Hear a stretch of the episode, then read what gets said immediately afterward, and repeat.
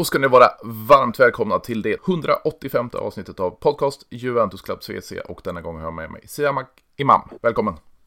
Tack, tack! Hej, tack så jättemycket! Och du är då med på Juventus-redaktionen på, på Svenska fans och vi, vi snackade lite innan här, ni hade ju även ett, en, en podd i, för, för ganska många år sedan. Mm, precis, exakt så. Uh, vi hade en podd, jag tror det var 2013, 2014 om jag inte minns helt fel så körde vi där lite eh, via Svenska fans mm. då. Eh, det var kul, det var kul. Det var ju länge sedan, men det var, det var kul. Tiden har verkligen runnit iväg bra. Men eh, ja, det stämmer. Ja, men det var ändå med i början, för det var ju ja, runt 2010 där det strax efter som, som poddar verkligen slog igenom. Så ni var ju med i tiden så att säga. Precis, precis. Det var ju exakt, precis som du säger, det var ju då verkligen det blev sån poddboom om man kan kalla det för det. Så mm. det så att eh, ja, nej det var kul. Det var väldigt många lyssnare och fick oftast eh, hyfsat bra feedback skulle jag mm. ändå vilja säga. och, då, och jag tänker så här, vi brukar börja, eller jag brukar börja i podden med varför blev det Juventus för din del?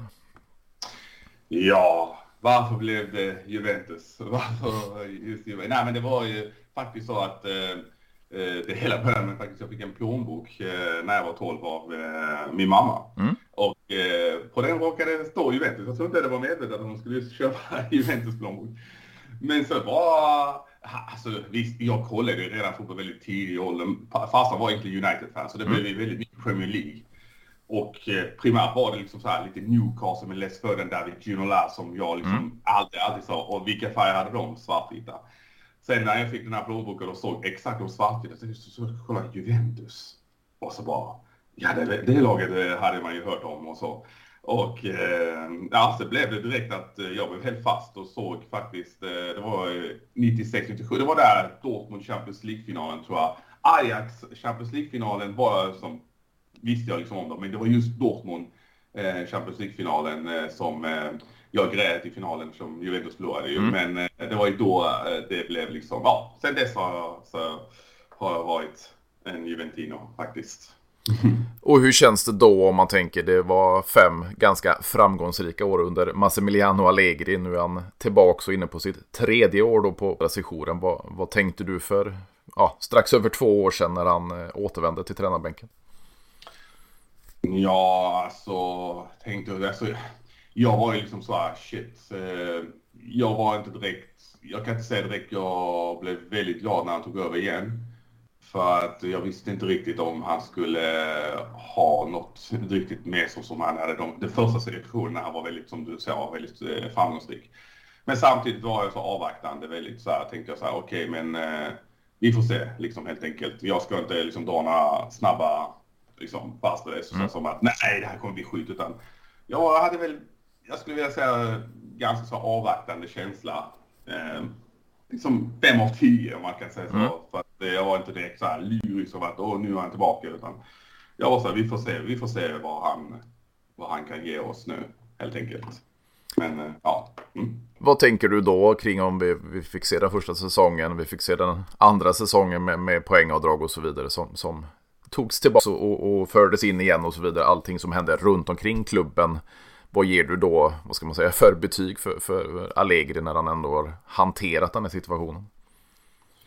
Alltså, man måste då ger han cred för en sak. Han hanterar ändå situationen väldigt proffsigt, måste jag mm. säga på ett sätt. Alltså, det var många röster, Allegri out, Allegri out. Och jag kanske också var ibland en av de rösterna faktiskt. Men ironiskt, det, det, vad ska man säga, jag, jag måste säga att jag måste ge Allegri väldigt mycket cred för att hantera, han hanterar ändå en väldigt tuff situation där helt plötsligt hela säsongen avgår. Mm. Helt plötsligt vet man ingenting. Helt plötsligt bara läser jag utan jag tänker nej inte nu igen och liksom alltså vad fan ska hända nu? Eh, och allt det här hela tiden med, ja som du säger, med poängavdrag tillbaka och sånt. Att han ändå lyckades på något sätt isolera den från att de inte skulle, det skulle liksom påverka spelarna. Just den biten tyckte jag han skötte väldigt bra och professionellt. Han sa liksom hela tiden gång på presskonferenserna, vi är här för att göra ett jobb, vi är här för att prestera, eh, liksom allt annat kan jag inte påverka just nu. Liksom han skötte det väldigt på något sätt, både väldigt ärligt, alltså det var inte så att han bara blundade för hela problemet och bara sa nej, nej, nej, nej, nej, nej, det här stämmer inte liksom vad som helst, utan han mötte det här stora problemet och pressen och allting och lyckades faktiskt ta det liksom, vad ska man säga, mot honom och isolera den, sätta den liksom en hinder så att det visst påverkar alltid spelarna på plan. Det gör det ju. De är ju människor. Mm. Liksom, det är klart det påverkar Kesa, det är klart det påverkar Vlahovic, det är klart det påverkar uh, liksom alla, alla, liksom uh, varenda en. Men uh, i den biten så ger jag Allegri väldigt mycket, väldigt mycket cred faktiskt. För att jag tyckte det, när man till utfallet, Ja, visst, vi fick poängavdrag. Vi, vi är inte med i Europa längre. Eh, Conference League blev också liksom så hade uppgörelse mellan mm. Juventus och, eh, och, och så vidare och så vidare. Men i, i det hela så, så, så tyckte jag Allegri skötte det faktiskt bra. Det tyckte jag faktiskt. Jag tycker det. Det är svårt. Mm. Och vad tänker du då om man, man, ser nu, nu är det fyra matcher in den här säsongen. Det var 3-0 Udinese, liten plump då med 1-1 mot Bologna, 2-0 mot Empoli och nu 3-1 mot, mot Lazio under lördagen. Vad, vad, tänker du rent, om vi bortser från resultaten, spelmässigt den här säsongen under Allegri? Väldigt bra. Eh, jag är väldigt så Allegri bra när han börjar mynta om det och så. Eh, första matchen som du säger där uppe i Portugal tänkte jag så här, nej, snälla, så här, inte en sån här säsong där vi bara liksom, nästa match ska hålla på och liksom mm. hela tappa poäng. Men vi har 9-2 målskillnad. Vi har spelat fantastiskt. Sista matchen har varit fantastisk och just vi kommer komma in säkert i Lazio-matchen. Mm. Absolut. Jag måste bara nämna en sak med just typisk Allegri. Han sätter alltså McGinny till höger och jag bara, när jag ser laget så tänkte vad håller han på med? Och så bara, alltså du vet, han gör ju sådana lite alla Pep Guardiola mm. som gör en defensiv mittfältare plötsligt. Så kör han ju det. Nu menar jag inte att han är kanske möjligtvis i Pep, Peps nivå, men Alltså, det där är genialiska grejer som bara få tränare faktiskt, måste säga, mm. faktiskt är kapabla till. Och sätt som Juventus har faktiskt spelat. Och framförallt att vi inte är med i Europa tycker jag är bara så skönt, alltså faktiskt på riktigt. Jag tycker det är så skönt att bara rensa mm. ut och inte någon jävla conference League, du vet såhär Kalle Anka-liga, förlåt om jag säger det, men det är det verkligen. Absolut. Så, eh, tre, liksom, ett, tio poäng som du säger, tre raka, 9-2 målskillnad. Eh, liksom, ja, alltså matcherna har sett väldigt eh, på bra och positiva ut. Det ser som att alla spelare är så glada. Det det måste jag bara säga också, liksom, alltså, det har känts som att det förra säsongen har, liksom, man kan så känna att spelarna liksom så här, alltså de, någonstans ingen motivation liksom. Vissa matcher gnäller på varandra, de är liksom sura innan matchen har börjat lite halvt. Men nu är det liksom, det är sån atmosfär. Det är så Alltså du vet, varje mål som görs, alla bara firar. Det är så man märker harmonin i laget, det märker man verkligen. Sen vet man inte vad som händer i omklädningsrummet, självklart man inte vet, men det känns som att det är väldigt mycket harmoni i laget. Ja, och det är ju extra skönt att se då som under lördagen utanför arenan och sen inne på arenan med, med Ultras tillbaks och så atmosfären som du nämner. Exakt, Ultras tillbaka, precis. Jag märkte det också när, innan, alltså, jag är ju väldigt så stort fan av Ultras, eller allmän fanskara. Mm. Liksom, jag går ju väldigt mycket på eh, matcher nästan varje helg och, och, känner av det. Och jag tycker det är så viktigt med en väldigt bra kurva som står bakom laget verkligen och eh, enat liksom kurva. Så det, jag, jag, tror att det är extremt viktigt och det visar också någonstans att det finns en viss harmoni som håller på att byggas upp. Vi ska inte ta någonting i förskott. Alltså jag är så här, mm. okej, okay, jag har ing, jag vill inte ha några förväntningar inför säsongen alls. Jag är så här, helt så här, vi får se vad som händer. Men det har varit väldigt så här positivt då. Jag vill inte säga att mitt öga nu plötsligt ska, ska vi torska mot Sassuolo borta. Nej men eh, det har varit väldigt bra. Det har varit väldigt bra. Jo, men man, man, får vara lite som du är där, att man är lite alltså, försiktigt optimistisk. För, för man känner ju så här med, med laget som vi haft de två senaste säsongerna, det var knackigt för eh, Vlahovic eh, spelmässigt och målmässigt. Det var knackigt för Kesa efter korsbandsskadan och så vidare. Och vi har haft lite, ja, eller lite. Vi har haft mycket fuffens utanför för fotbollsplanen och så vidare som har drabbat rent psykologiskt spelarna kan man ju gissa sig till. Och, och jag känner att ja, de här poängen nu tidigt på säsongen. Vi fick ju faktiskt se en plump redan i andra matchen mot Bologna då. Att vi ska nog inte dra för höga växlar även fast man är väldigt positiv till, till starten.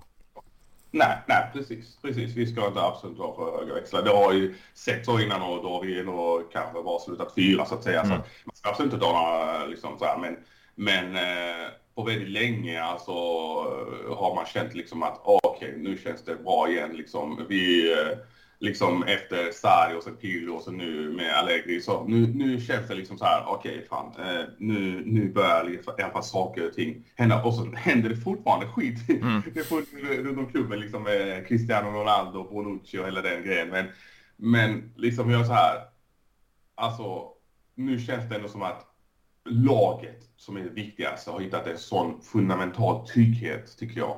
Eh, som är så pass viktig liksom, jag är ingen taktisk kunnig människa i fotboll, jag är inte tränare eller någonting sånt, men man ser ändå hur Allegri har lyckats verkligen med sin kunskap och så och förmedla liksom exakt vad han vill av laget och samtidigt har laget gett väldigt mycket tillbaka, alltså alla. Så, och Vlahovic i den formen, mm. liksom, det känns direkt. Liksom, förra säsongen kändes han liksom så här, så här, visst, man kan säga så han fick inte de bollarna han skulle ha, det var mycket snack om det och så, men nu liksom är liksom, det var så skönt att han inte lämnade i sommar. Jag tycker både Kiesa och Vlahovic, att hade de lämnat, då hade situationen varit så mycket annorlunda. Så det var så bra att klubbledningen som äntligen verkar vara väldigt, vi får se mm. nu, men de verkar i alla fall kompetenta på sin sak.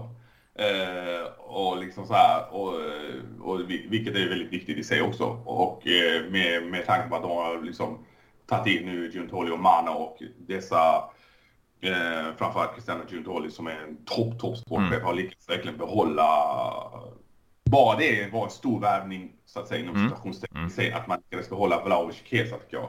För att det var liksom så här otroligt viktigt.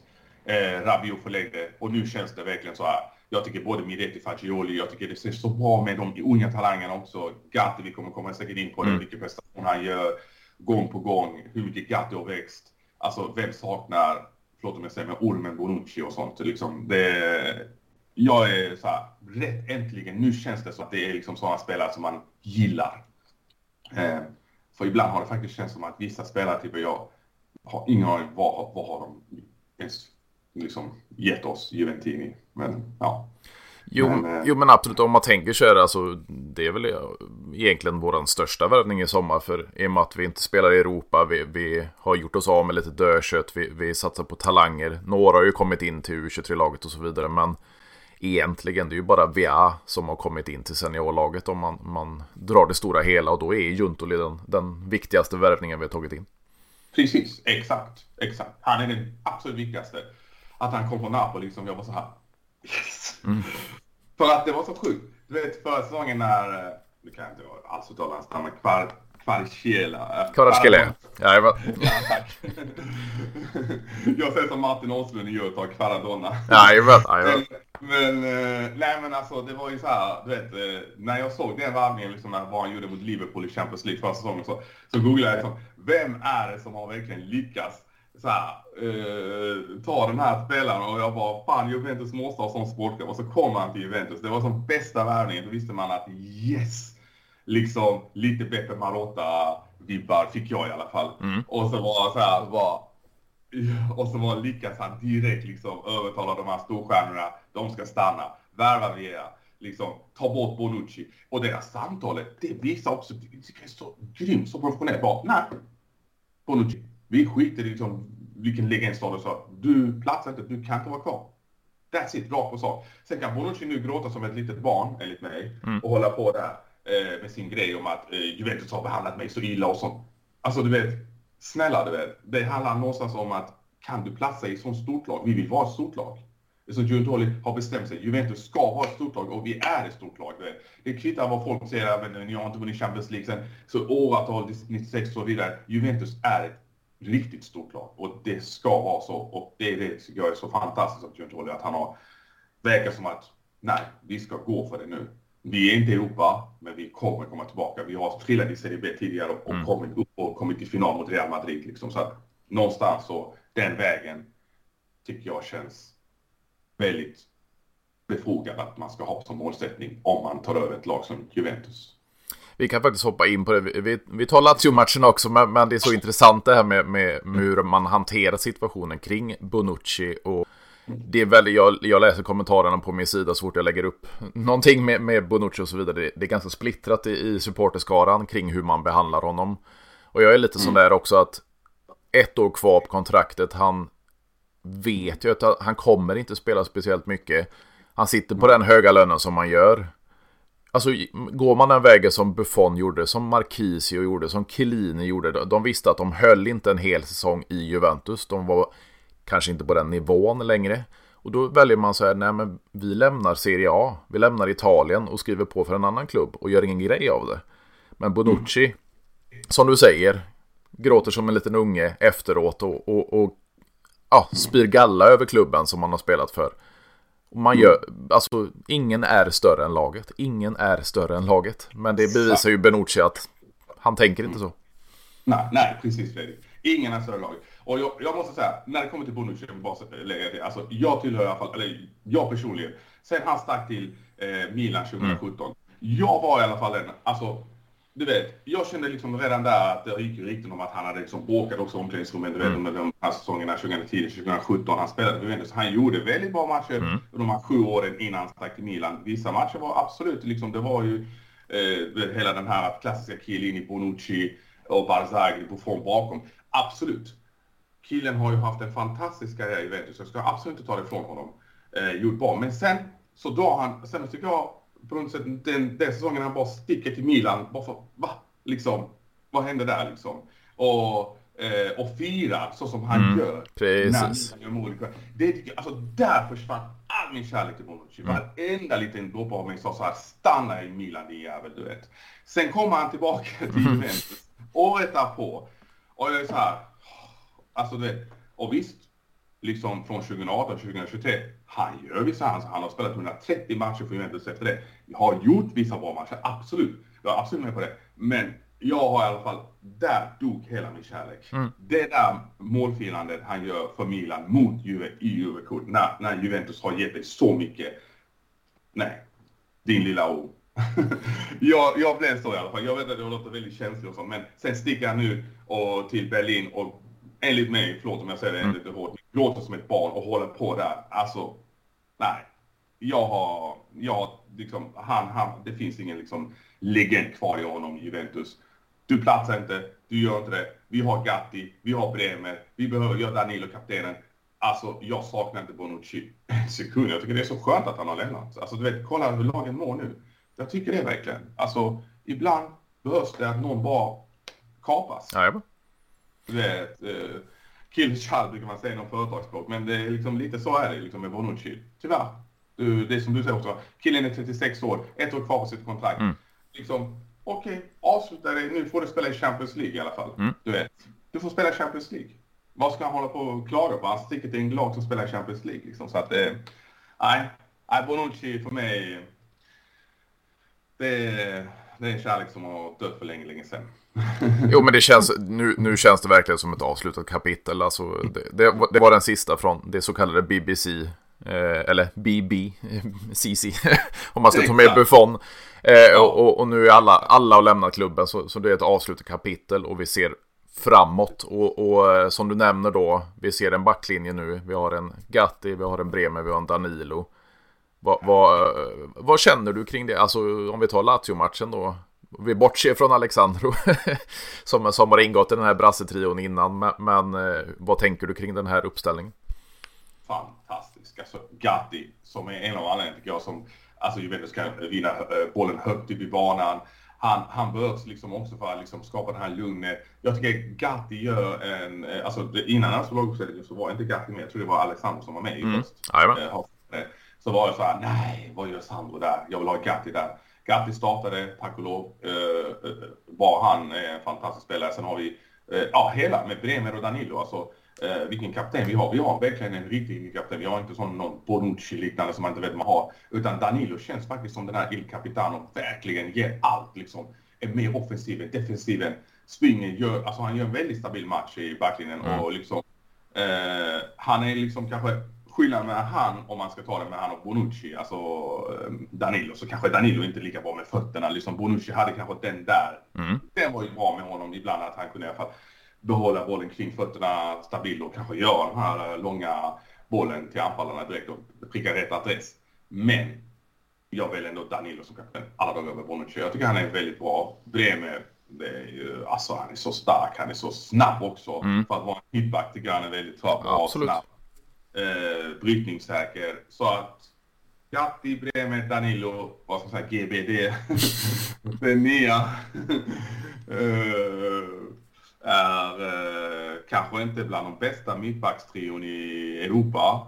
Uh, men jag skulle hålla dem topp 10 definitivt. Alltså, det är ett fantastiskt trio vi har. Kanske matchade de bästa lagen i Europa, definitivt. Jag tycker det alltså. Nu kommer vi inte vi spela Champions League, vi kommer inte möta de bästa, bästa, men hade vi gjort det så hade de här hållit till och med mot lag som Real.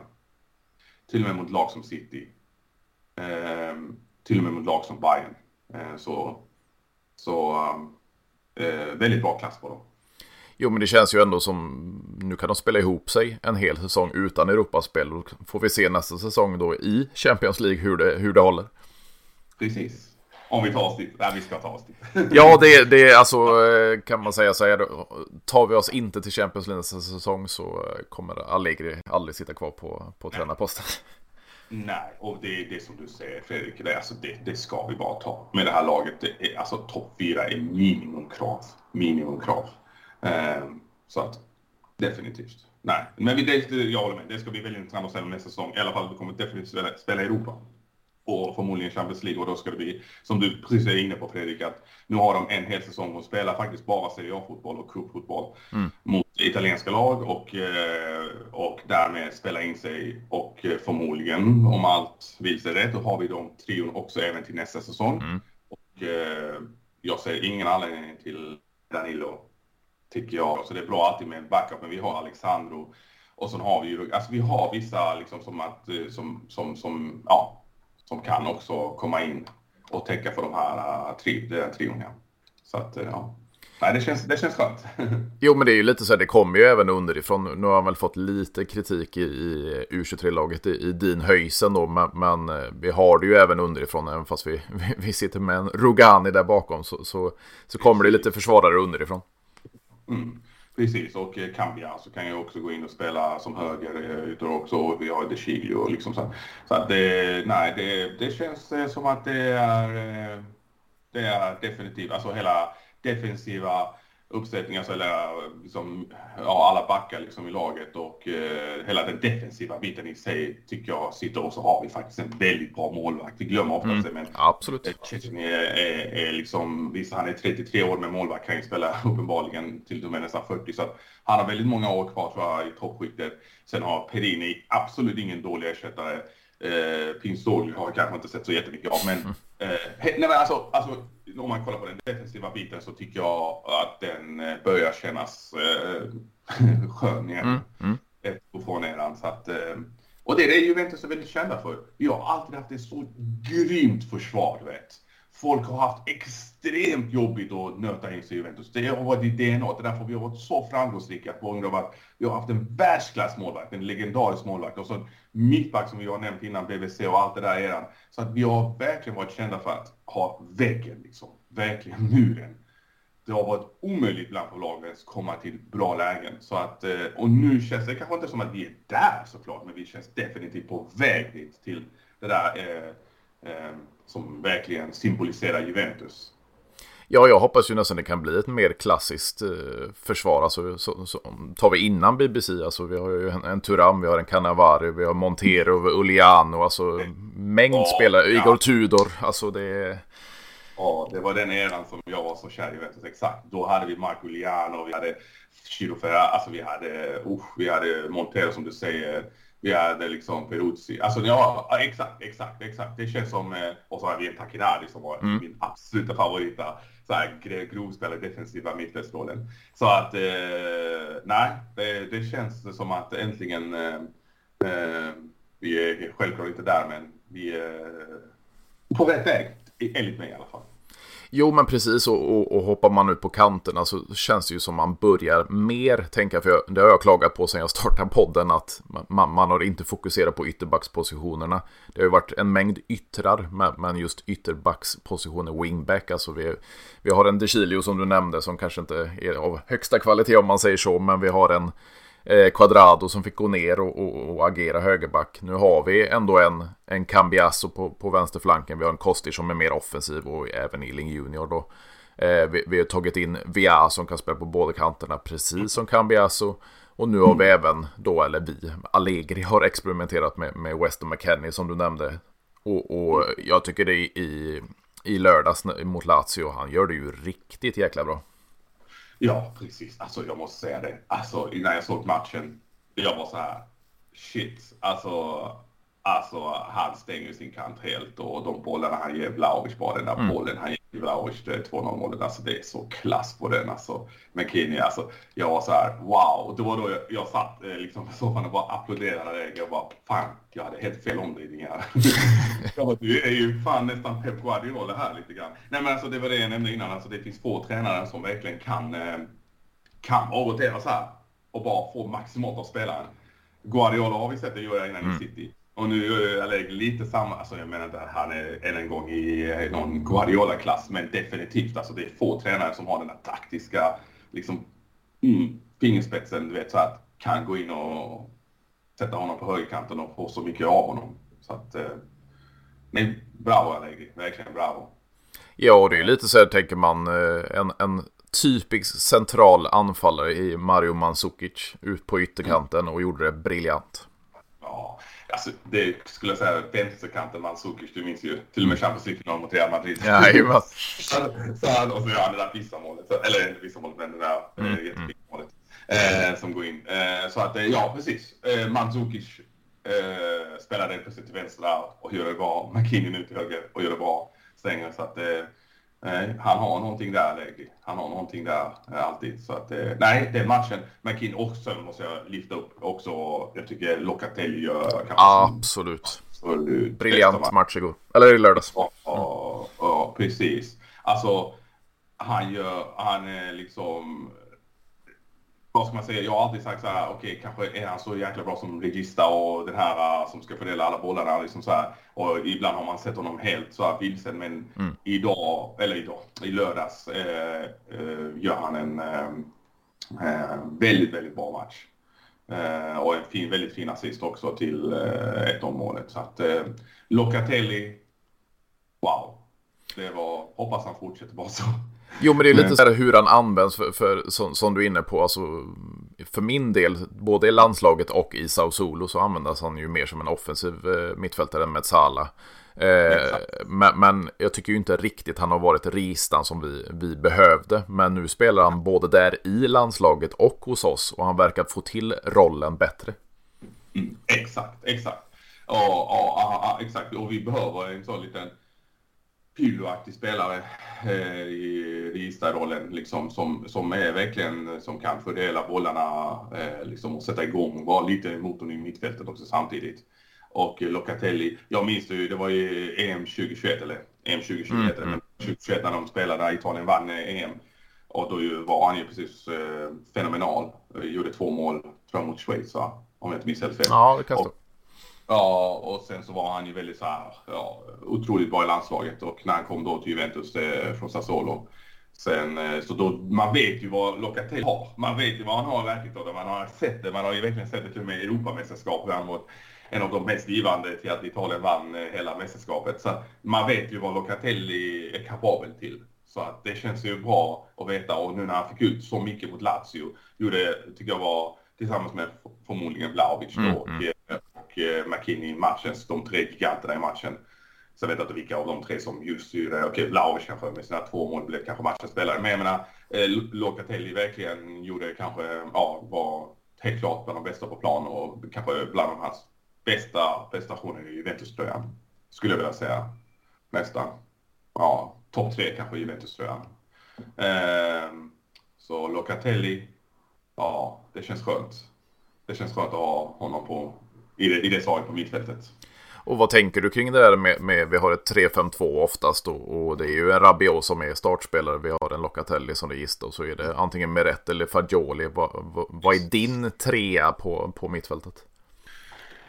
Eh, de två första ska ju, alltså Rabiot och Locatelli. Mm. Eh, så som det ser ut nu. Rabiot, alltså jag har alltid gillat Rabiot. Alltid, alltid, alltid. Förra säsongen tyckte jag han var faktiskt Juventus bästa spelare. Mm. och så säga. Rabiot är älskar de här med långa ben i mitten. Liksom, det påminner liksom så här, liksom, har lite Ruth känsla mm. de här spelare. Men eh, jag tycker nu är inte Rabiot någon så här, i den kalibern. Men definitivt har Rabiot alltid varit bra och jag håller honom definitivt som en given. Locatelli definitivt. Sen är det som du säger, Miretti, Fagioli. Alltså, Fagioli går före mig, äh, går före för mig, mm. före Miretti. Alltså, det tycker jag. Alltså Fagioli, Miretti känns lite för mycket liksom så här, fortfarande helt mogen i sitt spel tycker jag, om man Nej. kan uttrycka det så. Mm. Han är ju bra, Miretti, definitivt, men inte min favorit. Jag hade valt Fagioli framför Miretti. Och sen så, precis, det är de som jag hade valt. Sen eh, Via och eh, Amakini eh, och sen har du Kostic på den andra kanten ju. Eh, så ja, ja, nej jag, jag väljer nog eh, Fagioli, Rabiot och Locatelli just nu. Eh, till att stänga, eller till att vara de här centrala i mitten. Och vad tänker du på, på eh, högerflanken är det ju McKennie och VA som får dela verkar det som. Men på andra sidan, vi, vi ser knappt Illing Junior ja. spela. Vi har en Kostic mot Andrea Cambiasso. Vem är din startspelare på, till vänster? Jag ska vara fräck och säga Illing Junior. Ja. Nej men jag sådär, jag, jag, är så, jag är så positiv till honom. Jag vet inte, jag vill så gärna att han ska lyckas så jättebra. Men eh, nu vet jag att han kanske inte kommer att starta så jätte, jättemånga matcher den här säsongen. Förmodligen inte, men vi får se. Men eh, jag tycker att det känns väldigt bra som du har också nämnt tidigare. Du var inne på det att kant kanterna är väldigt bra att vi kan både fylla upp defensivt, alltså mm. om vi ska nu köra fyrbackslinjen till exempel, mm. eller som du är inne på 3-5-2 med eh, Via och McKinney till den ena, Kostic och Cambiaso och Illing Junior på den andra. Av dem, Kostic, Cambiaso och Illing Junior, alltså det är svårt alltså. Nu är Kostic en helt, alltså han var inte, jag tycker bland de som var lite sämre mot Lazio-matcherna var ju väldigt bra match. Men ska mm. man vara lite negativ i Lazio-matchen så kanske det var just Kostic. Jag tycker att ibland så försvinner matchbilden. Så han är faktiskt inte min favorit. Eh, jag tycker Cambiasso, alltså, de första matcherna man såg med honom när han var helt så här på hugget och så. Eh, verkar vara väldigt spännande spelare. Så att eh, jag skulle säga Cambiasso alltså, eh, och Ealing Junior någonstans och sen Kostic. Jag har lite svårt för Kostic. Jag tycker hans inläggsfot är absolut bra och jag vet att många i Juventini gillar honom och stöttar honom och tycker han har ju fantastiska inlägg. Absolut, men det är inte min gubbe. Uh, min gubbe är definitivt Ealing Junior och sen så någonstans också självklart Cambiasso. Men sen vet jag att Ealing Junior behöver ju såklart tid för att utvecklas. Så uh, kanske Cambiasso där på den kanten. Jo, men jag är inne på samma sak. Jag ska inte upprepa. Jag, jag, har pratat alldeles för mycket om vad jag tycker om Kostic. Men, men, men Cambiasso, ung italienare. Och han känns mer eh, kompatibel med Chiesa. Exakt, exakt. Jättebra sagt Fredrik. Han känns kompatibel med Chiesa. Alltså, vi såg det redan direkt från startpremiären. Hur de ändå på något sätt hela tiden är i symbios med varandra. Mm. Och lite, jag älskar lag som har eh, Eh, likt andra lag som med vissa som spelare som verkligen kan väga sig igenom. Och jag tycker just som du säger, eh, alltså Cambias och Chiesa eh, känns som att de har sån härlig kemi med varandra. Mm. Det ser man på plan. Så jag är helt också inne på det. Helt klart Cambias och före Kostic. Helt klart. Helt klart. Det finns, enligt mig, hoppas jag också, Allegri kommer inte envisas med att hälften starta Kostic. För att vi såg också mot Lazio, vi ska vara mm. ärliga. Jag tycker personligen inte han var bra. Han, han, var inte bra. Vi, alltså, laget var bra. Alltså, och då blir ju alla någonstans bra. Men av alla de här som presterade, jag tycker Kostic var det, man, man var, alltså, var är du någonstans? Mm. Liksom, liksom eh, alltså det känns som att de, just du, du, du var inne på en sån bra grej med kemi. Kostic har ingen kemi med Chiesa. Jag tycker inte det. Det ser man rakt och tydligt. Det är som två stycken som är, är eller man tänker så ett gäng på en fest och det finns alltid någon som du vet så lite gnista mellan vissa personer. Det mm. ser man ju inte. Eh, även om liksom så här, alla ska komma, liksom, ska komma överens. Men där känns det verkligen som att Kostic och eh, Chiesa inte har någon kemi. De trampar på samma ytor. De, ibland har man sett dem liksom halvgnälla på varandra. Där ser man det tydligt. Alltså, tvärtom när Cambias spelar, då mår Chiesa också mycket bättre. Inte för att han inte han gör en bra match mot eh, Lazio Chiesa, men jag tror hade Cambiasso startat, mm. eller till och med Link Junior, så tror jag Chiesa hade varit ännu bättre i den här matchen. Eh, men han gör ju definitivt en bra match, Chiesa. Absolut. Men Kostic däremot, han känns som att han har ingen kemi med Chiesa. Och det behövs i Juventus, du vet. För Chiesa vill ju ibland löpa ut, mm. möta bollen. Mm. vänster och hålla på och kanske driva. Han är så teknisk och kan vika in Kesa. Och därför behöver han någon som är liksom som en wingman. Och eh, där kan vi alltså mycket bättre rada på med, eh, med Kesa än vad Kostic är. Ja, och det, det, det, känns ju som den här kombinationen har vi fått sett tidigare och dessutom i Juventus och med Allegri. Jag menar om vi tar ett, ett med två wingbacks. Vi hade en Lichsteiner som, var väldigt offensiv. Sen hade vi en Evra som också kunde gå offensivt men var mer defensivt lagd. Nu har vi tvärtom då att den vänsterflanken är mer offensiv och så kan vi backa bak med, Kenny och täcka upp det bak. Precis, exakt, exakt. Och därför känns just nu Eh, både taktiskt och hela den Allegri-bas som vi har pratat om tidigare. Mm. Allt det här känns som att det är... Eh, nej, det känns... Det känns eh, det känns skönt. Och än en gång, det känns skönt att vi har ett helt år utan stress med Europaspel. Mm. Att kunna verkligen bygga det här slagkraftiga laget. Målsättningen ska helt klart vara topp 4, till och med topp 3 tycker jag. Och därmed kunna nästa år eh, spela ute i Champions League och visa liksom hela världen igen att vi är tillbaka. Så det känns skönt. Jag tycker som sagt, basen som är så viktigt och fundamentalt i ett lag, såg man klart och tydligt mot Lazio. Det är absolut ingen lätt match att vinna mot Lazio. Vi har tidigare, visst, vi var på hemmaplan, absolut, men vi har sett hur det har sett ut mot Lazio mm. tidigare. Det är som spöklag lite grann. Så att, eh, att kunna gå, och visst nu är inte Lazio heller, vi ska vara ärliga, de är kanske inte bästa slaget, liksom, ligger inte alls bra till. Jag tror de ligger typ på 15, 16, 17 plats. Nu vet jag inte exakt var de ligger i ligan, men de ligger ju definitivt inte alls bra till. Så att det var kanske inte det bästa Lazio att möta, men Juventus visar samtidigt på att man har verkligen hittat eh, ett bra fundamentalt. Och nu får vi se liksom mot Sassuolo, Atalanta, Torino de här kommande matcherna hur det kommer att se ut. För att det är så viktigt också att kunna ta de här tre mm. poängen mot lite mindre av innan man går in mot Milan i oktober. Så det känns... Eh, nej, det känns, det känns... Det känns skönt. Man, man är glad en måndag så här från Juventino. Eh, liksom. Man är glad, man är så här... Alltså, man, kan, man kan ha harmoni i livet. Det, det var länge sedan man hade sådana veckor på måndagar när man kunde känna Uh, jag är stolt.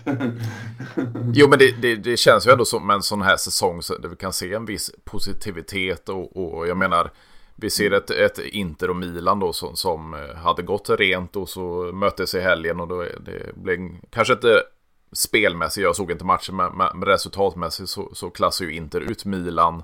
Och det är väl mm. egentligen de två lagen, kanske Napoli och, och, och Roma kanske ligger där under och så vidare. Men, men det är väl de lagen vi får tampas om de här Champions League-platserna om. Plus mm. att de ska ut i Europa.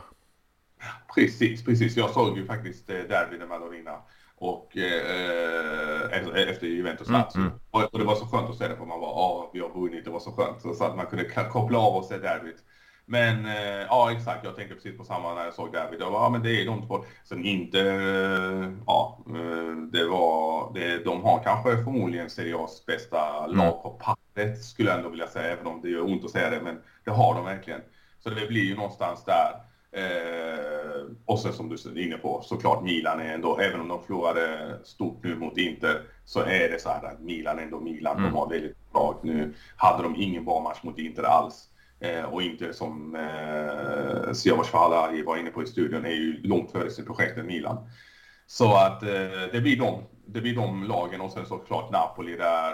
Eh, sen får vi se. Jag tror inte så mycket på Roma och de här nu och Lazio har ju börjat så dåligt men Får, vi får se nu, eh, men det ska ju som sagt, topp tre ska Juventus definitivt satsa på.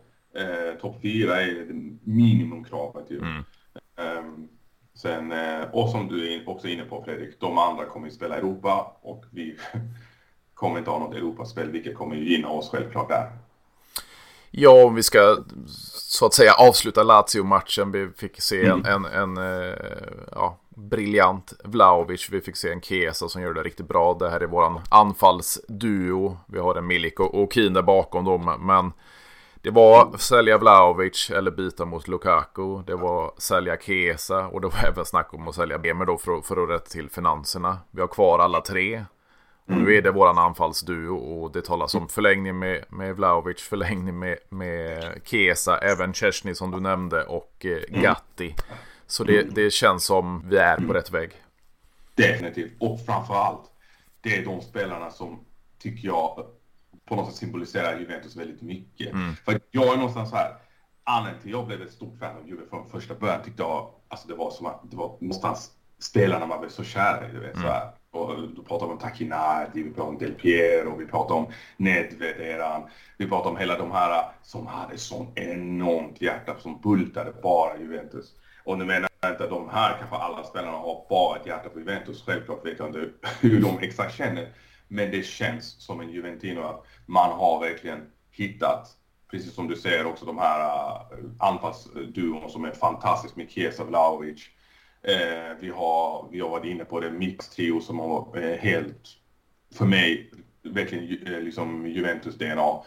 Målvakt som är definitivt väldigt bra, så att laget känns väldigt mycket Juventus-aktigt mm. om man får säga det så. Mm. Alltså det känns som att det här, nu menar jag inte att vi är helt plötsligt bäst i Europa eller någonting sånt, vi har lång väg att gå. Men som jag sa, jag tror definitivt kan de, speciellt mittbackstrion, spela ihop sig och allting och kan laget hitta, eh, har den harmoni de har haft hela tiden så tror jag definitivt vi kan mäta, mäta oss upp med lag som Real, liksom City och så och kanske inte bli helt utspelade i alla fall. Kanske inte vinna men definitivt inte bli utspelade utan det kommer, eh, det känns som att det är eh, eh, Juventus och vi, vi har varit inne på Allegri hela tiden att åh, är han rätt man, är han rätt man? Men just nu med facit i hand så känner jag mig trygg med honom. Jag gör det faktiskt. Jag känner mig okej okay med honom. Eh, det finns alltid bättre tränarnamn, alltid. Och man kan gå in och rota och säga, men finns det inget liksom, bättre namn än Äger just nu? Det är klart det finns, men han har verkligen satt sitt prägel just nu med, just som jag är inne på, med Kini på högerkanten och eh, Allegri bal och fått upp defensiven så att eh, eh, och framförallt sportchef, vi ska inte mm. glömma de här, Manna, Giuntoli, liksom hur de har verkligen fått igång och ny ledning. Så det känns, för en gångs skull känns det som att, åh vad skönt. Visst, vi har fortfarande inte blivit av med alla problemen. Vi får se vad som händer med Ronaldo, liksom, som han har stämt mm. Juventus, och Bonucci som har stämt Juventus. Men eh, det är eh, en bra tid. Det kan du hålla med om Fredrik? Absolut, och, och jag, jag, känner ju även så här att om man, man tar den här som jag varit inne på i tidigare avsnitt, återställning, som man tar in en av Italiens främsta sportchefer. Man, man har Giovanni Mana som arbetat då i, i Nextgen-laget och, och är hans högra hand. Du har kvar Cherubini i, i, i klubben fast han inte är sportchef längre. Du tar tillbaks en eh, Claudio Chiellini då som blir sportchef i, i Nextgen och så vidare. Du gör en återställning. Men jag menar de, det här att behålla de här toppspelarna mm. i det här finansiella läget. Mm. Göra, göra ett tränarbyte är kanske inte det smartaste just nu utan man har en återställning med Allegri. Han har två år kvar på kontraktet. Tar han oss till Europa så, så kanske han får den här sista säsongen då på kontraktet och sen tar man in en ny tränare. Mycket bra sagt. Håller helt med. Exakt, alltså det är, det är verkligen så. Alltså det vore bara dumt och precis som du är inne på. Alltså, alltså hela den Next-lagen, man tar in stora namn. Verkligen som, för de här spelarna måste ändå vara en idol att kolla upp de här. Mm. Vet, så, så att man bygger verkligen någonting som inte bara liksom är från att toppen ska bli bra, utan hela grunden. Alltså mm. från Next-spelarna upp till A-laget upp till ledningen, upp till VD, upp till allting. Liksom, att man verkligen har den här genomstyrningen av harmoni rakt genom hela till ungdom, ända ner till ungdomsledet. Eh, är någonting som är väldigt viktigt tror jag för alla föreningar, alla fotbollslag såklart, men eh, ytterst viktigt just nu för Juventus att hitta tillbaka till att det ska vara kul att spela för Juve. Mm. Det ska inte vara liksom att shit, man tar på sig tröjan och tänker nej, nej, nu kommer någonting hända, nu kommer vi få poäng av dag, nu kommer någon eh, domstolsgrej hända, vad som helst, utan det ska vara liksom ta på sig Juventus-tröjan och känna åh, alltså det här är ett väldigt så här storlag som sköter det professionellt. För Juventus har alltid varit kända för det. Du mm. vet. Alltså, jag, menar, jag kommer ihåg hur många man pratade om att Juventus är ett lag som sköter allting så proffsigt. Man sköter alltid proffsigt, man, man försöker liksom hålla det liksom, och nu visst, uppenbarligen så var kanske inte allting jätteproffsigt med all historia som har hänt nu på den senaste tiden. Men innan dess i alla fall så har man varit väldigt kända för att liksom när man har åkt ner i Serie B, mm. pratar jag om, sen efter det, hur man har ändå verkligen skött alltid, försökt hålla väldigt profession till allting. Kommit upp, behållit proffsigheten, vunnit Serie A så många gånger i rad. Vi var ju helt bortskämda med Los Scudetto efter Los mm. Scudetto efter mm. Scudetto efter Scudetto efter Los Scudetto. Eh, och visst, än en gång, man är kanske inte tillbaka till det där slaget än att man ska direkt vinna Los Scudetto, men Juventus för mig har alltid varit ett lag som är favorit att vinna Los Även förra säsongen, mm. när vi slutade till slut sjunde plats efter alla poäng. Men jag menar bara att vi ska vara alltid titelutmanare. Det ska alltid vara så att man pratar om Juventus som, okej, okay, det är det laget som har väldigt stor chans och kanske bäst chans att vinna eh, ligatiteln. Men visst, det har inte hänt på ett tag. Men definitivt som du är inne på, man har behållit vissa av de gamla storspelarna och det var det exakt som du är inne på Fredrik. Var dumt att bli av med mm. eh, Allegri just nu. Två år kvar på sitt kontrakt, exakt som du är inne på. Vi, vi, vi, vi, vi liksom ponerar med tanken att vi kommer topp tre. Mm. Andra plats eller vad som helst. Eller kanske i bästa fall vinner. Eh, liksom det är Champions League-spel. Och så, så får han också chansen att liksom spela av sitt sista kontrakt. Sen får man ta det därifrån, precis som du säger. Eh, har Juventus då gjort en jättebra Champions League-säsong, ponerar vi nu. Mm. Bara här, kanske det är förlängning som kanske kan diskuteras. Mm. Eller så har man, behöver man inte längre tänka på att man förlorar så mycket pengar när man sparkar honom, utan då har han av med sitt kontrakt. Precis. Okej, då är det perfekt läge. Behåller vi honom så förlänger vi. Blir vi av med honom så förlorar vi inga pengar. Nej.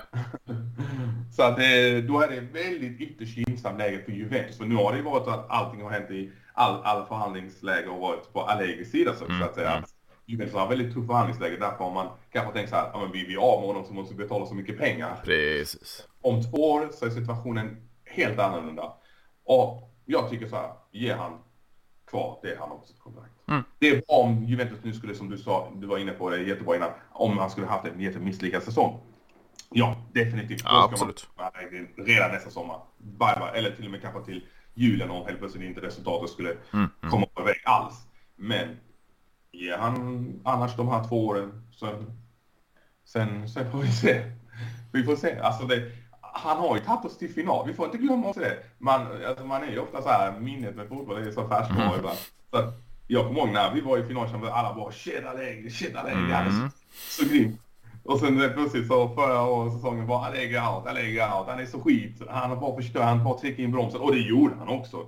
Med all rätt kritiserar man honom också förra säsongen. För att jag tyckte han hade sin fot på bromsen allt för ofta och det var ingen gas med.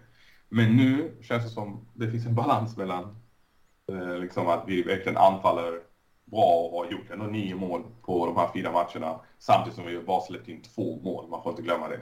Endast två mål. Det var väl inte som har släppt in mindre mål. Mm. Och, eh, och, man får ju ja. faktiskt komma ihåg det också. Vi är fotbollssupportrar. Det är inte alltid man är, man är logisk i sitt tänkande heller. Utan jag är ju sån också. Jag, jag precis som du. Man, man, man, har, man följer sina känslor. Och, och, nu känner jag att den här perioden, nej, Allegri är skit. Och då säger jag det. Och sen kanske, ja men nu kommer han igång. Han får igång laget. Han hanterar situationen. Så jag bara, han gör ett bra jobb. Alltså man, man, man, man är som man är. Exakt, exakt. Alltså jag var också då. Jag måste säga själv. Jag twittrade också Allegri out hela tiden, du mm. vet och förbannad på honom och tänkte Alltså han förstör så mycket just nu. och, och nu om du får inte exakt samma som jag var förra säsongen. Nu tycker jag, nej, han kan gott väl stanna. så det, är som du säger. Men man har ju, exakt som du är inne på, man har rätt att reagera. Vi älskar Absolut. Juventus hårt och hårt. Man älskar Juventus när Juventus var i Serie B. Man älskar Juventus när de ligger på andra plats i Serie A. Så att man älskar alltid Juventus oavsett vad. Och då har man all rätt också med den stora kärlek man har komma mycket mer känsloladdad kritik. Definitivt. Det är liksom, det är så. Det är, du ser ditt lag spela väldigt dålig och pinsam fotboll. Vem är det du klagar på? Du ser inte slänga alla elva spelare. Ibland ser man det också, men ofta ser man släng tränare. Mm. Liksom. Man går oftast först och främst på vad fan håller tränaren på med. Så att, eh, men nu har han uppenbarligen bevisat att han har väldigt mycket taktiskt kunnande i sig. Eh, han har tagit oss till final och flera eh, Los Scudetto-titlar innan liksom, vi fick in eh, eh, andra tränare. Liksom, så, här. så att, ja, nej, det, känns, det känns skönt att det känns skönt att ha honom. För när Sarri kom, jag minns det också, när Sarri kom liksom efter Allegri var mm. så, så att, då var det ju så här, okej, okay, helt plötsligt spelar vi en annan typ av fotboll mm. med var det också lite så här, man visste inte vad man hade.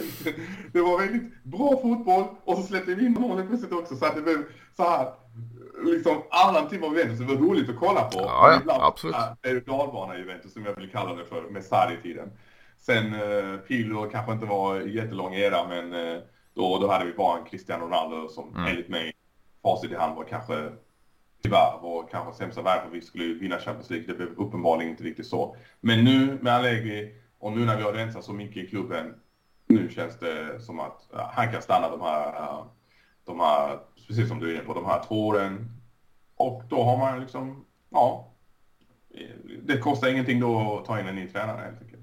Så att det, ja. Precis, och jag kände så här, det, det är en ganska bra övergång. Vi har tagit Bonucci-situationen. Jag vill även komma in på, på Pogba förstås. Men som mm. du nämner, vi har en Cristiano Ronaldo och vi har även en, en Paolo Dybala då som satt i samma sits. Olika mm. summor pengar så att säga. Men, Juventus och Dybala har kommit överens. Man har gjort en uppgörelse om de mm. obetalda lönerna.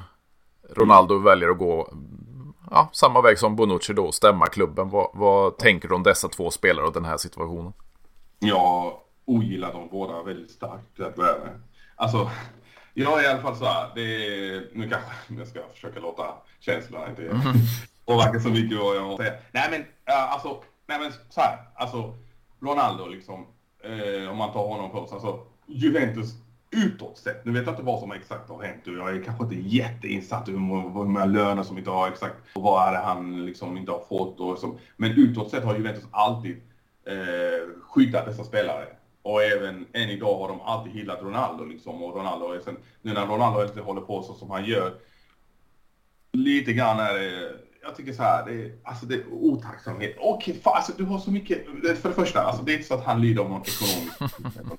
alltså, men, eh, vi ska vara helt ärliga, vad fan. Han kan varje dag köpa en splittins ny Ferrari utan att ens behöva bli fattig för det. Mm. Vi andra måste jobba ihjäl oss för att kunna betala hyra och barnen och allt det där som du, som du själv vet om. Så jag menar, eh, liksom, behöver han pengar? Absolut inte.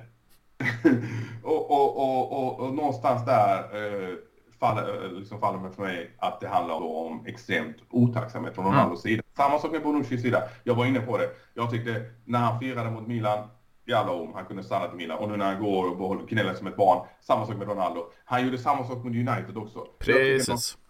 Jag tycker någonstans så här, alltså snälla spelare, liksom försök förstå. Ni är inte större än laget. Ingen spelare är större än laget. Laget går alltid före i alla sammanhang.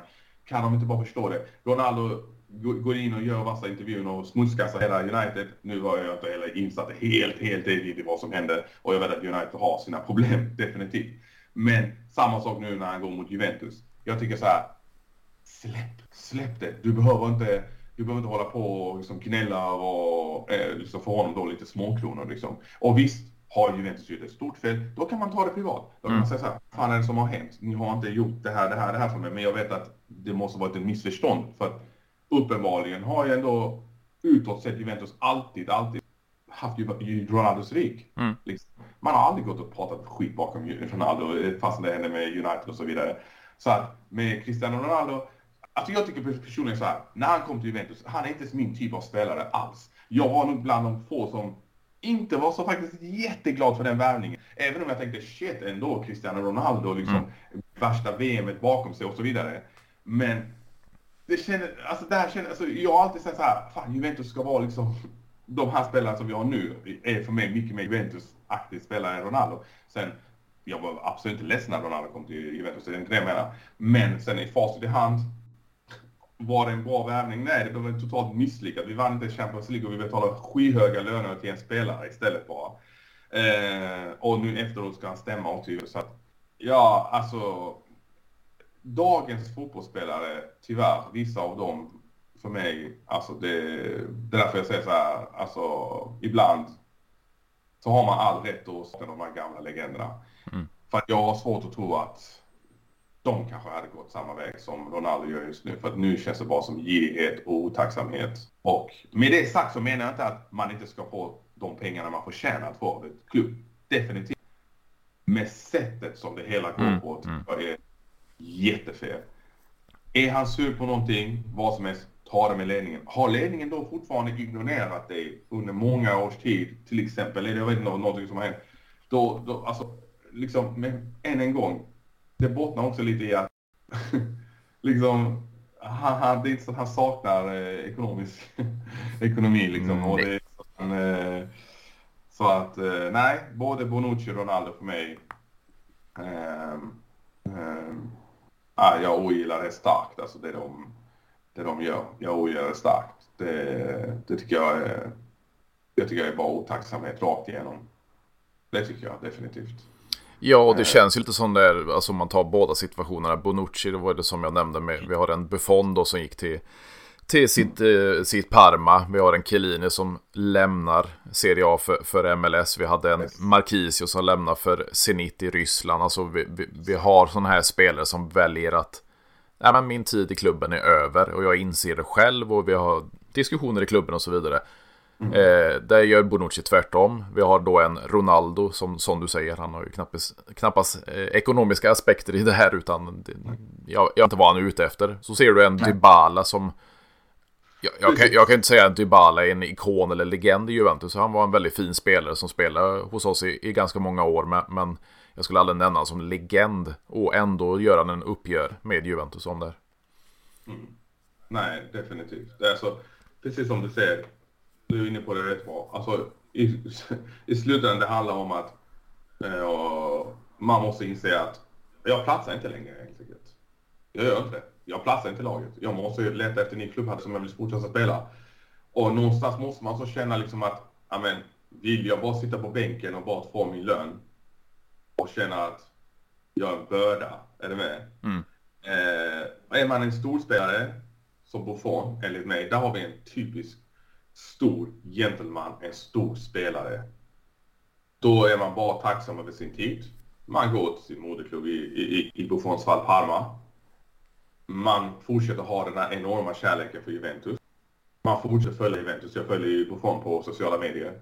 Och, liksom, och jag ser fortfarande, och nu, kolla nu, han liksom, tack vare sin personlighet i landslaget. Eh, så att det finns alltid en väg efter din karriär i ett lag du har spelat i många år. Någonstans måste man känna, det är samma sak när man jobbar på ett jobb. Alltså, känner man någonstans att jag inte är chef för min lön, är du med? Mm. Alltså, du är inte chef för din lön. Då är det dags att bara ta och säga, nej, jag måste gå vidare. Jag kan inte längre vara kvar här. Jag måste för min utveckling skulle gå vidare. Jag får säga upp mig. Jag får kanske vara arbetslös i två, tre månader, vad vet jag. Men någonstans måste du själv inse att okej, okay,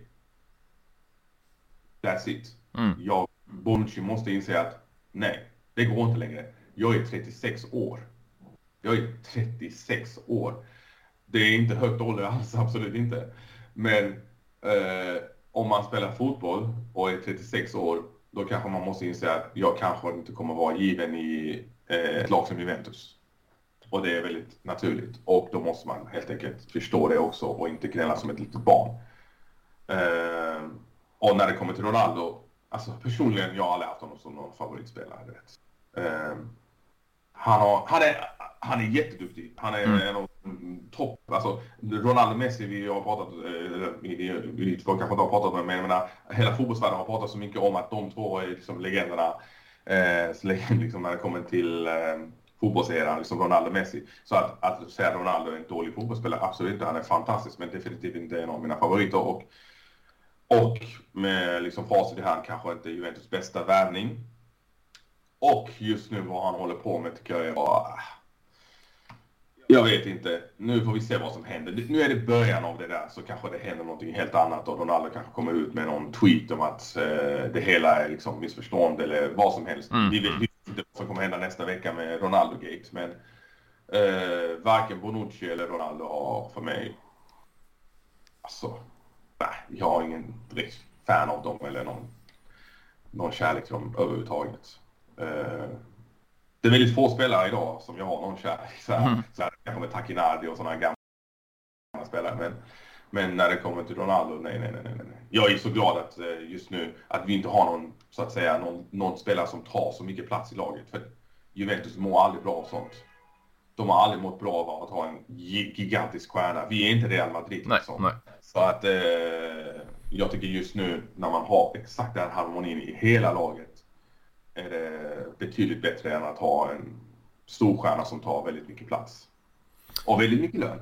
Ja, precis, precis. Och det, det känns ju som vi, vi, vi, vi rundar av med vår eh, Paul Pogba. Det var ju en dryg vecka sedan då. Det kom först var det två tidningar som skrev att eh, familjen Angeli då vill, vill sälja klubben. Och sen kom det här med doping och Pogba och sen kom Bonucci och nu lite senare då kom, kom det här med Ronaldo och Dybala och så vidare. Så det, det har varit en händelserik eh, vecka när det var landslagsuppehåll dessutom inför för matchen mot Lazio. Så men, ja. men det känns lite så här också. Det var i Giornale, alltså en Milano-baserad tidning som började skriva om att eh, Angeli vill sälja eh, som sportmediaset och det vet vi ju alla. Det är ju en tidigare Berlusconi-ägd tidning och så vidare. Så, så Exor med, med, med Jan Elkan gick ut och dementerade detta. Men så kom ju då, det slog ju nästan ner som en bomb då med, med Paul Pogba ett positivt dopingtest. Eh, det mesta tyder ju på att ja, det, det, det, andra testet brukar också bli positivt och, och då har ju Juventus ett val att göra och, och det är ju att bryta ett kontrakt verkar det som. Vad, vad tänker du kring hela den här såpan?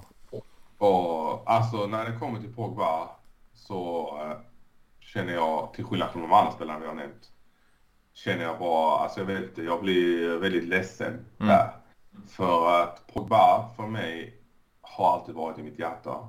Eh, på något helt annat sätt än de andra spelarna, speciellt det han gjorde innan han stack till United. Alltså den eran han hade i Juventus som var så fantastisk. Mm. Vilken spelare, alltså vi fick honom gratis. Och vi gjorde honom till en världs, världs, världsstjärna. En miljard senare köpte han av eh, Manchester United och resten tyvärr, enligt mig, har varit kanske en, en väg ner för Pogba. Och nu när han kommer tillbaka till Juventus är helt skadad hela förra säsongen i princip. Spelade knappt någon match. Alltså han spelade ju såklart men ja, vi alla vet att han spelade kanske väldigt lite av förra säsongen med mm. tanke på alla skador han dogs med hela tiden. Kom tillbaka, blev skadad igen och hela tiden. Och man märkte hur han var, ville tillbaka och innan säsongen så tränade han, innan semestern var slut så var han där ju. Alltså och tränade själv. Och det säger väldigt mycket om en spelare som är verkligen ivrig att jag ska tillbaka till Juventus. Alltså jag ska tillbaka till startelvan. Jag ska göra en fantastisk match. Jag ska göra en fantastisk säsong. Så jag var så här. Kom igen nu Pogba. Kom igen nu. Visa nu att du är fortfarande en storspelare. Du vet. Och nu är det plötsligt fast för, för som du säger, testas positivt för doping. Mm. Och exakt som du är inne på, oftast brukar det andra testet också visas eh, så eh, eh, positivt också. Och eh, då är det, alltså, då som du säger, då har Juventus ett val. Och för mig är det väldigt svårt där. Alltså, ah, alltså det ser man till på, alltså egentligen, rent, rent sportsligt nu. Vi har, vi har varit inne på, vi har ett mittfält som, där kanske inte vi behöver Pogba just nu. Vi ska vara helt ärliga. Så att hade situationen varit annorlunda och att Pogba hade verkligen behövts, så hade jag ju såklart kanske varit så här, nej fan också vi får inte bli av med honom, du vad jag menar? Mm. Men nu är jag så här, bryt kontraktet. Alltså kanske, kanske för allas bästa. Kanske för allas bästa, bara bryt kontraktet. Betala summan. Eh, låt han gå. Det är en väldigt ledsen och sorgslig era. Eh, otroligt sorgslig era med Pogba. Mm. Men, eh, men, eh, alltså det är tufft det är tufft. Jag, jag, jag gillar ju Pogba mm. som spelar så att jag vill ju... Jag vill så gärna han ska kunna lyckas, du vet. Jag vill så gärna han ska lyckas. Eh, och jag, jag drömmer om att alltid se honom nu som är mot Lazio. Jag, jag kunde inte låta bli att säga, fan tänk Pogba hade gjort en så långskott mm, mm. Du vet, någon sån så här, hur skönt är det ens? Men eh, han är inte på plan, han är, kan inte vara med i truppen. Han kommer förmodligen visas positivt på andra resultatet också bryt kontraktet. Mm, mm. Vad tycker du? Jag vet inte. Nej, men jag, jag, jag är samma som det. Alltså, den Pogba vi hade första sessionen, alltså, det, det är ju lite rån att ta han en andra gång. Det var, det var gratis första gången från, från United. Sex år senare, efter han återvände till United, så, så tar vi han gratis igen. Ja. Eh, så det, det kändes som ett rent rån. Men, men, nu när man har lite facit i hand med, med första säsongen helt, helt borta. Det var väl 131 minuter eller något liknande. Exakt. Och, och, nu när man, när man Få se lite, man fick se, han gjorde ju mål när, när Vlahovic stod eh, offside där eh, och så vidare. Och sen så kommer det här, man blir bara så här, nej.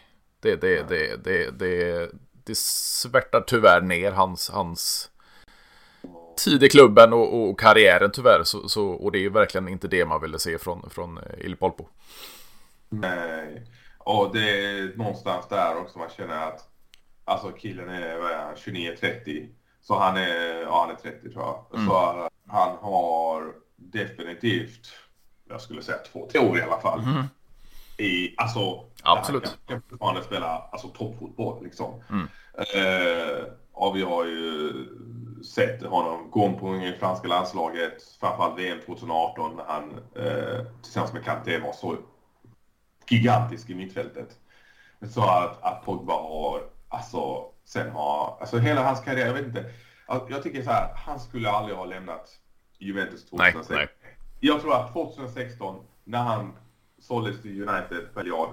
Jag ju så här, okej, okay, en miljard. Mm. han, han är jättebra, men vill ni betala en miljard? Jag vet inte vad du tänkte, men jag tänkte okej. Okay. Mm. Men han skulle ju aldrig ha gått från oss. Han skulle bara stannat kvar. Eh, sen vet man inte vad som hade hänt. Han kanske hade stannat kvar och fort, gjort en sämre, sämre säsong och så hade vi sålt honom för ännu mindre pengar. Det, man vet ju inte.